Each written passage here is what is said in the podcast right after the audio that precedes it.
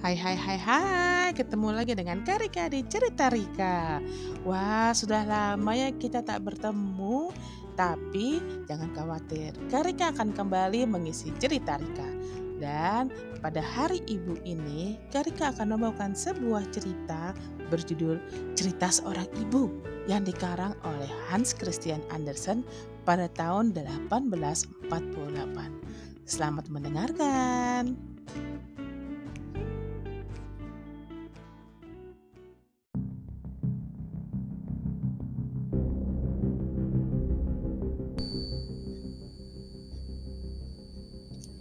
Seorang ibu duduk di sebelah anaknya yang masih kecil. Ia amat sedih karena ia takut anaknya akan meninggal.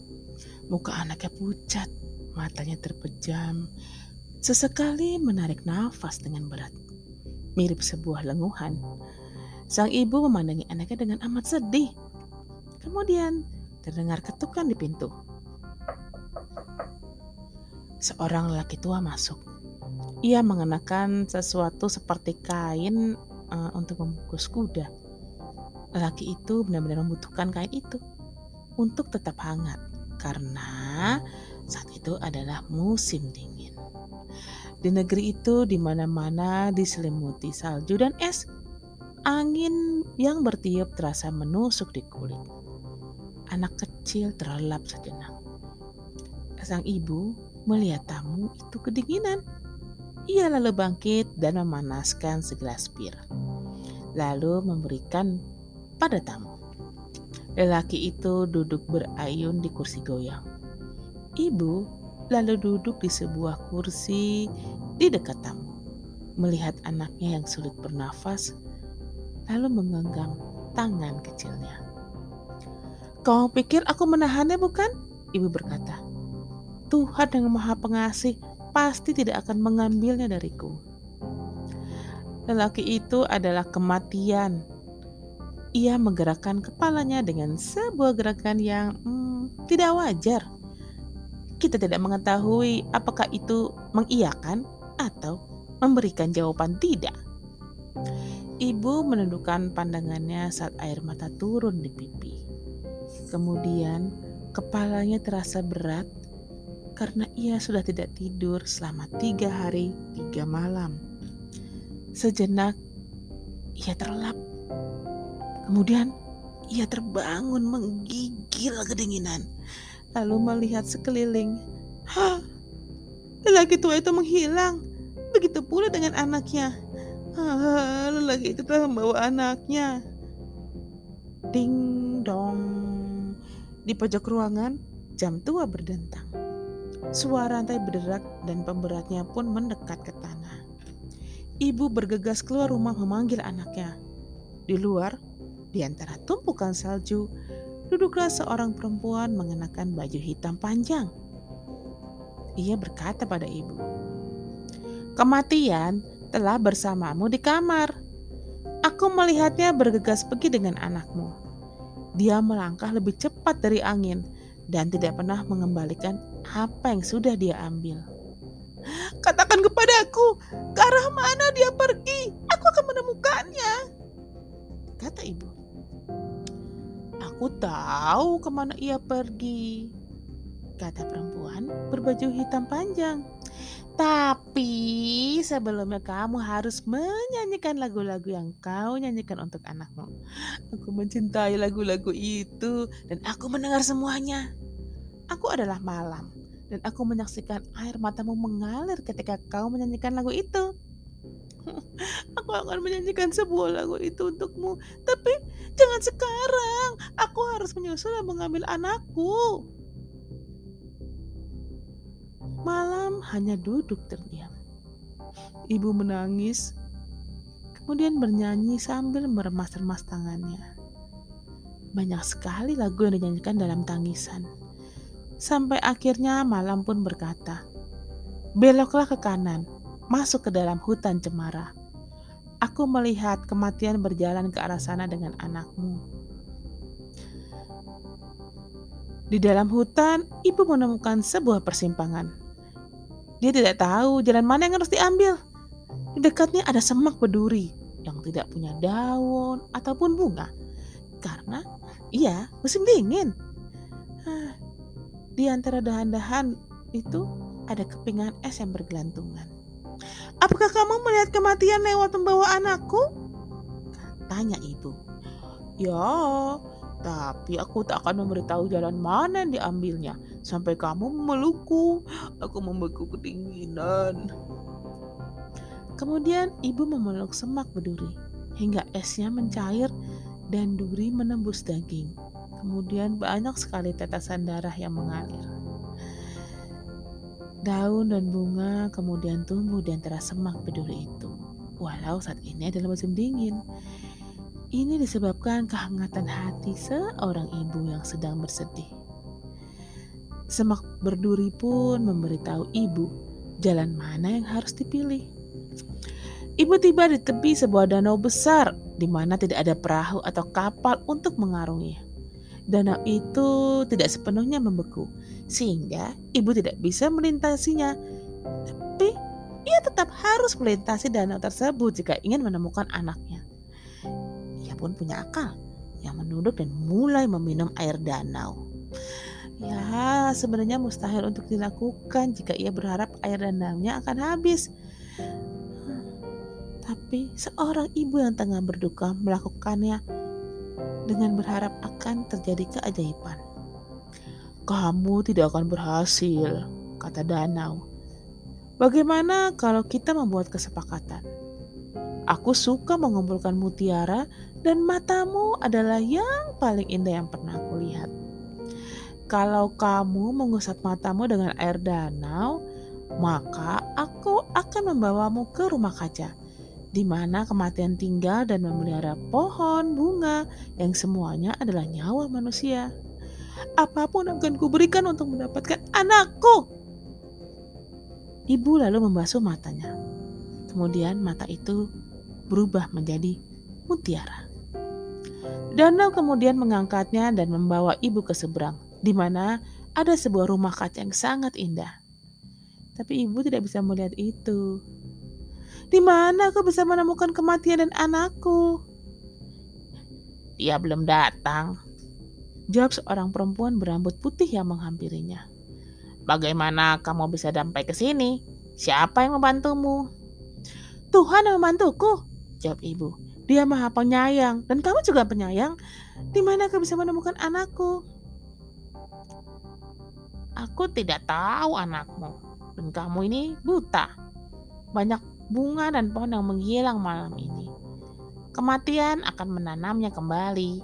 Kamu tahu, setiap manusia memulai pohon kehidupan atau bunga kehidupannya masing-masing, di mana kematian telah mengtabiskannya. Mereka terlihat seperti tanaman biasa, tetapi mereka mempunyai detak jantung. Anak-anak juga mempunyai detak jantung. Dari itulah kau akan mengenali anakmu. Tapi apa yang akan kau berikan kepadaku jika aku memberitahumu apa yang harus kau lakukan selanjutnya?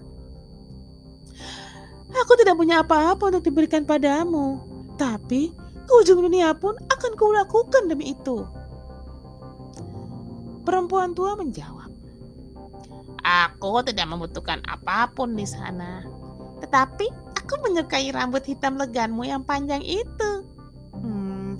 Apakah kau mau memberikannya kepadaku sebagai bayaran informasi yang kuberikan? Benarkah kau tidak meminta lebih dari itu? Dengan senang hati akan kuberikan padamu. Kemudian ibu memberikan rambut hitam legam indahnya, lalu menerima rambut putih sebagai gantinya. Mereka berdua pergi ke rumah kaca luas milik kematian, di mana bunga-bunga, pohon tumbuh bersama-sama berkelimpahan. Eceng gondok merkar, di bawah lonceng kata. Bihoni seperti pohon yang kuat. Di sana tumbuh berbagai tanaman air. Hmm, beberapa cukup segar dan yang lainnya tampak sakit. Ada ular air yang melilitnya dan kepiting hitam yang menempel di batangnya. Di sana berdiri pohon palem, pohon ek, dan pohon pisang raja dan di bawahnya bermekaran time dan peter sally. Setiap pohon dan bunga memiliki nama, masing-masing mewakili kehidupan manusia dan milik manusia yang masih hidup. Beberapa di Cina, beberapa di Greenland, dan seluruh belahan dunia. Beberapa pohon besar telah ditanam di pot-pot kecil. Sepertinya mereka kurang ruangan untuk bertumbuh, dan pohon-pohon itu akan menghancurkan pot itu berkeping-keping Sementara banyak bunga kecil yang lemah tumbuh di tanah subur dengan lumut di sekelilingnya dirawat dengan hati-hati. Ibu yang berduka menunduk di atas pohon kecil itu, kemudian mendengar jantung manusia berdetak di masing-masing tanaman. Ia mengenai detak jantung anaknya di antara jutaan lainnya. Itu dia, serunya, mengulurkan tangan ke arah bunga krokus kecil yang menggantung di kepalanya yang sakit. Jangan sentuh bunga itu, seru perempuan tua. Tapi tempatkan dirimu di sini dan ketika kematian datang, jangan biarkan dia mencabut tanaman itu.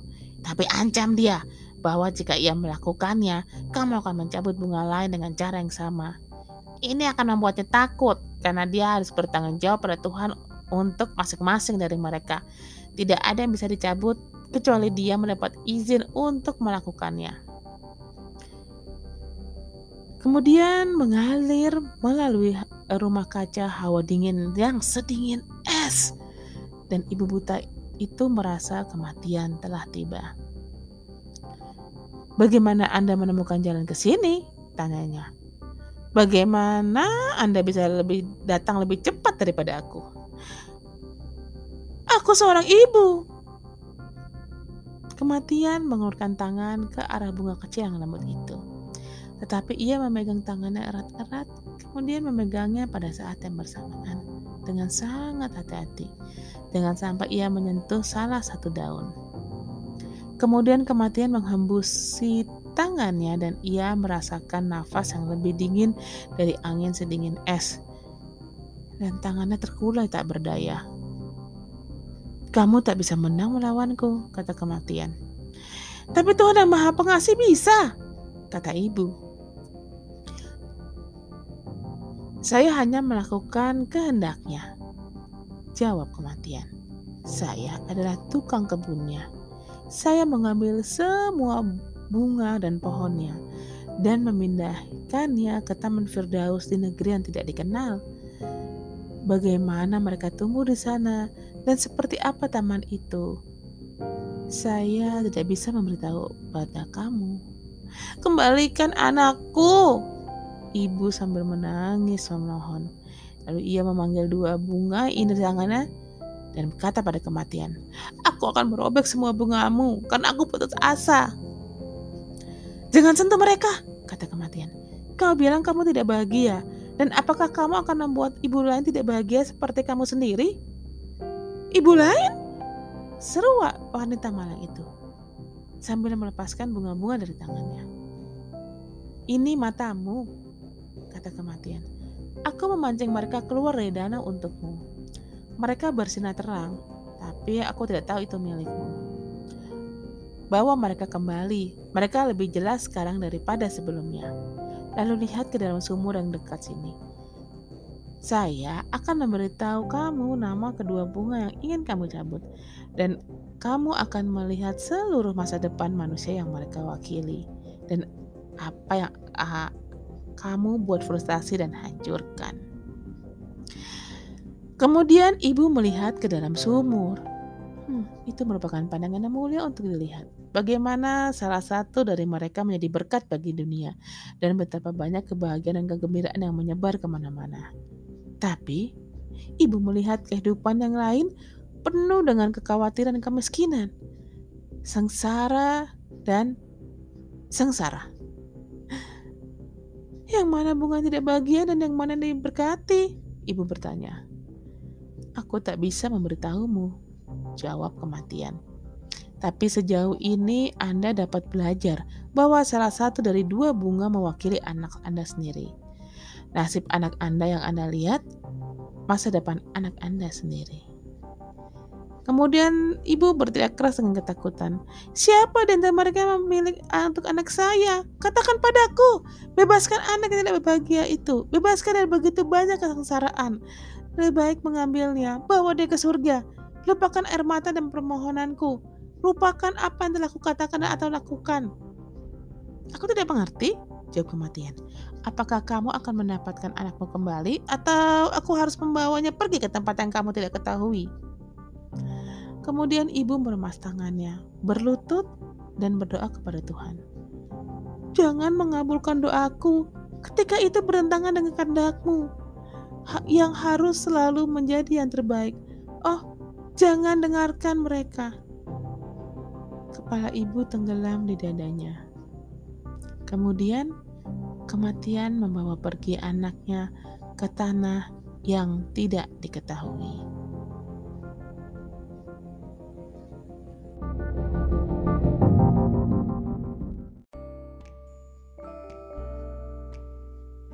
Nah, itulah ceritanya. Sedih atau senang? Ya, kalian yang mendengarkan bisa mengambil makna dari cerita tadi. Cerita ini Karika bacakan untuk semua ibu yang ada di dunia. Terutama untuk mamaku, Mama Tuti, dan ibu mertuaku, Ibu Mungki. I love you. Sampai ketemu lagi di cerita berikutnya. Bye.